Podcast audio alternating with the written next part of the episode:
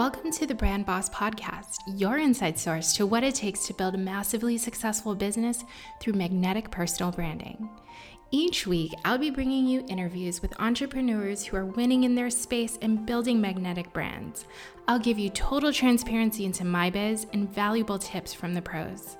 My name is Aria, your host and resident brand boss. I am a brand and marketing expert with over 15 years in the business of building up Fortune 500 brands, successful.coms, and solopreneurs. I am bringing you this Brand Boss podcast because I believe that building brands that are truly authentic and aligned is how we step into unlimited success in both life and business.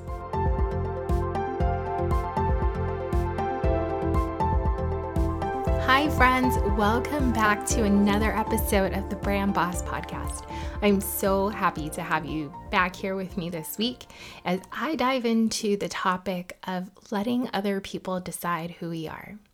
You know, as I think about closing out this year and all that I've manifested so far, I started to think back and take stock of how exactly I did that. And the simple answer is I really just evolved into who I want to be by discovering the narrative um, that I was allowing others to control for me and being able to rewrite that.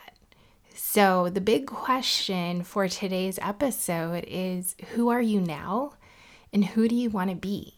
I want you to think about those two questions as I go through the rest of this episode today. Our narrative kind of comes from you know, the accumulation of everything that we've done and the identities that we've worn over time till this point. But we as entrepreneurs, as people who want to be seen as leaders in in our role, we really have a chance to take control of what our narrative looks like, what our story looks like, and who we are in order for us to really step into those roles of who it is we want to be. But a lot of it really means that we need to unpack all of the stuff that maybe we've buried away, um, all of the identities that we maybe have even forgotten about. Our upbringing really actually influenced this habit that we have of letting others decide who we are. Just take take a, a think on it, right? When we're growing up, we're given, um, for some of us, we're given religion, an identity of religion.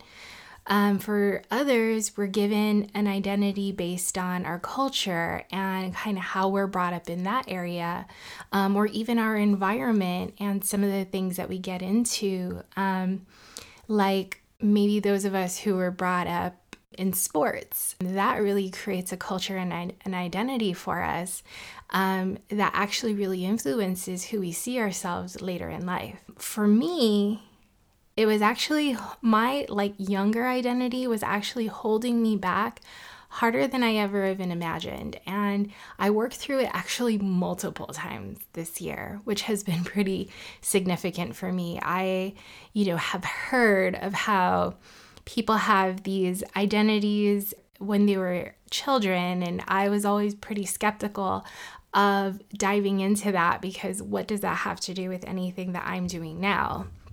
And that's why I had to dive into it a couple times and unpack it and really try to understand it because I was so resistant in the beginning. And it's actually helped me to see a lot of opportunity that I have for myself and see shown me how I've actually evolved by changing that narrative m- multiple times throughout my life. Now, for me, uh, I'll share with you what this what this narrative was, and I'll kind of condense it for you so that you don't have to get into all the nitty gritty of of all this stuff I went through. But as I was growing up, you know, being a girl, we hear about this a lot, right? Like if you're a girl and you're assertive and you're always speaking your mind and you're always giving your opinions, or you're kind of the one person in the group that might have a different opinion than everybody else, because you're a girl, you're seen as bossy. Well, for me, it was a little different actually. Because of my culture, it wasn't that I was bossy, but instead I was identified as old. Like, that's just kind of what our culture is like because women are meant to be assertive in my culture, but it also meant that if you're young, if you're a girl and you carry around that attitude, then people identify you as like, oh, you're being really like an older girl or an old woman. So, fast forward into my professional career, um, and I always had this weird thing about aging. So many of the people who I know know this about me. I have this really like phobia of aging. I don't want anyone to know how old I am, and I don't uh, like to be identified as old. And so, in my professional career, I started to see that I was actually shying away from showing up in a certain way, in an assertive way, because I didn't want people to identify me as old. I wanted to be the young, charismatic, um, you know, person who was full of life and and continue to be valued based on my age, which that's pretty crazy, right? Um, but that was also something I had learned about myself, and I think prior to unpacking that story for myself, I never would have even admitted that as a truth. Now, fast forward a little bit more, I came into a space where that was no longer serving me, right? This identity of being young and being um, lively and charismatic and somebody who was always like willing to, you know, jump in and help out the team. Like that identity was no longer serving me. Instead, it was actually like exhausting me because I ended up working so hard and carrying around such joy that wasn't actually true anymore. So, what I had learned through this process of actually being so sick and tired of this narrative that I was allowing other people to control for me was that the fact was that I wanted to be somebody else. I didn't want to be, be defined by age anymore, whether that was being assertive and being identified as old or being joyful and being identified as young. Instead, I just wanted something completely different. And that's when I learned that being assertive and sharing my opinions and really speaking up, that when it is rooted in thoughtfulness and care, actually meant that I cared about the other person who I was speaking up to or speaking up for. It meant that I cared about the work that we were doing so much that I would assert myself in order to provide the best of my ability to the team or to the work, um, or even to the mission, I guess you would say, right? And so, how I adjusted my thinking was opinions would actually be welcomed and valued. So that meant I had the ability to recreate my identity. Now it meant that by me being assertive and speaking up, meant that I'm really an expert in what I do. I'm smart as well as thoughtful, but I'm also willing to share and have a desire to be helpful. So, being able to adjust this identity and see it in a new light for myself meant that I now have the power to put myself out there in a way that will allow other people to see and kind of sit with this new identity that I'm giving them. So, in in that little story, I was really able to unpack how that childhood identity had actually held me back and how it was stopping me from becoming who I wanted to be while also seeing that I was able to change it and the results that I got from changing it. So, today, like in this last year, I was able to dig back into that childhood identity and say, okay, I'm done with that. I see how it didn't serve me in the past. I see how it evolved for myself, and I'm not going to let it creep back in because it does. It always creeps back in. Because while, you know, a few years ago, I went ahead and I rewrote that narrative, it didn't mean that I let it go completely. I was still allowing other people to decide who I was because it was such an inherent part of me for so long, right? This is a childhood based narrative that I was telling myself for so long.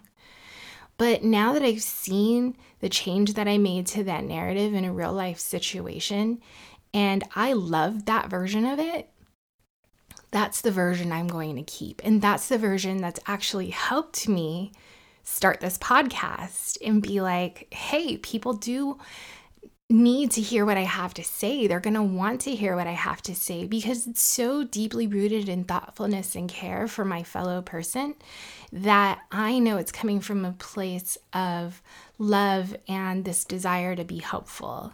And so I was able to say goodbye to my fear of being judged a very specific way, a certain way. And it was a really hard fear, um, a really big one. And say, you know what? I'm not going to let people decide who I am. Instead, I'm going to sit behind my mic and tell you who it is that I am and be able to share that power with you. So, my friends, I want you to go back and I want you to think through the identities that you have been carrying along with you thus far.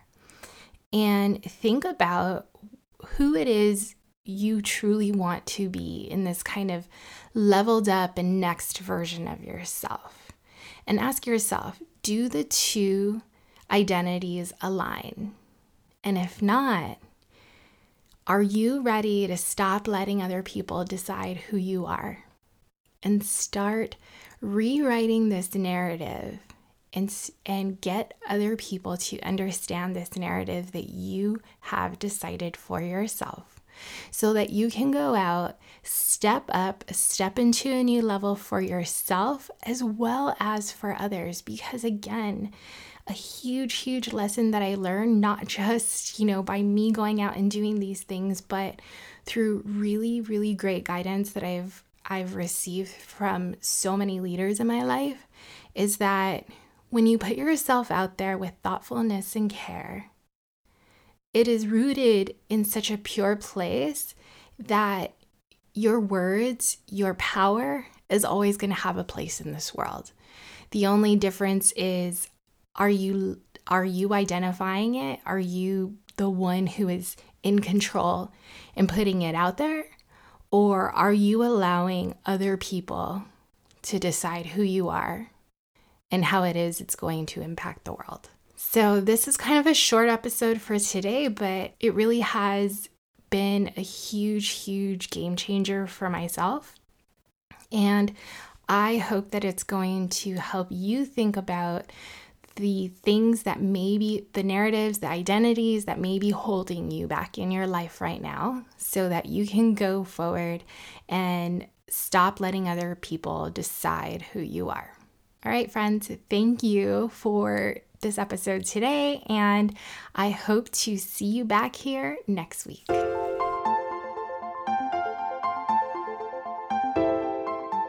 Love this episode of the Brand Boss Podcast? Do me a favor, subscribe and leave a review. Don't forget to follow me on Instagram for even more tips. You can find me on Instagram by searching my name, Aria Almeida. I'll be the brand and biz coach. See you there.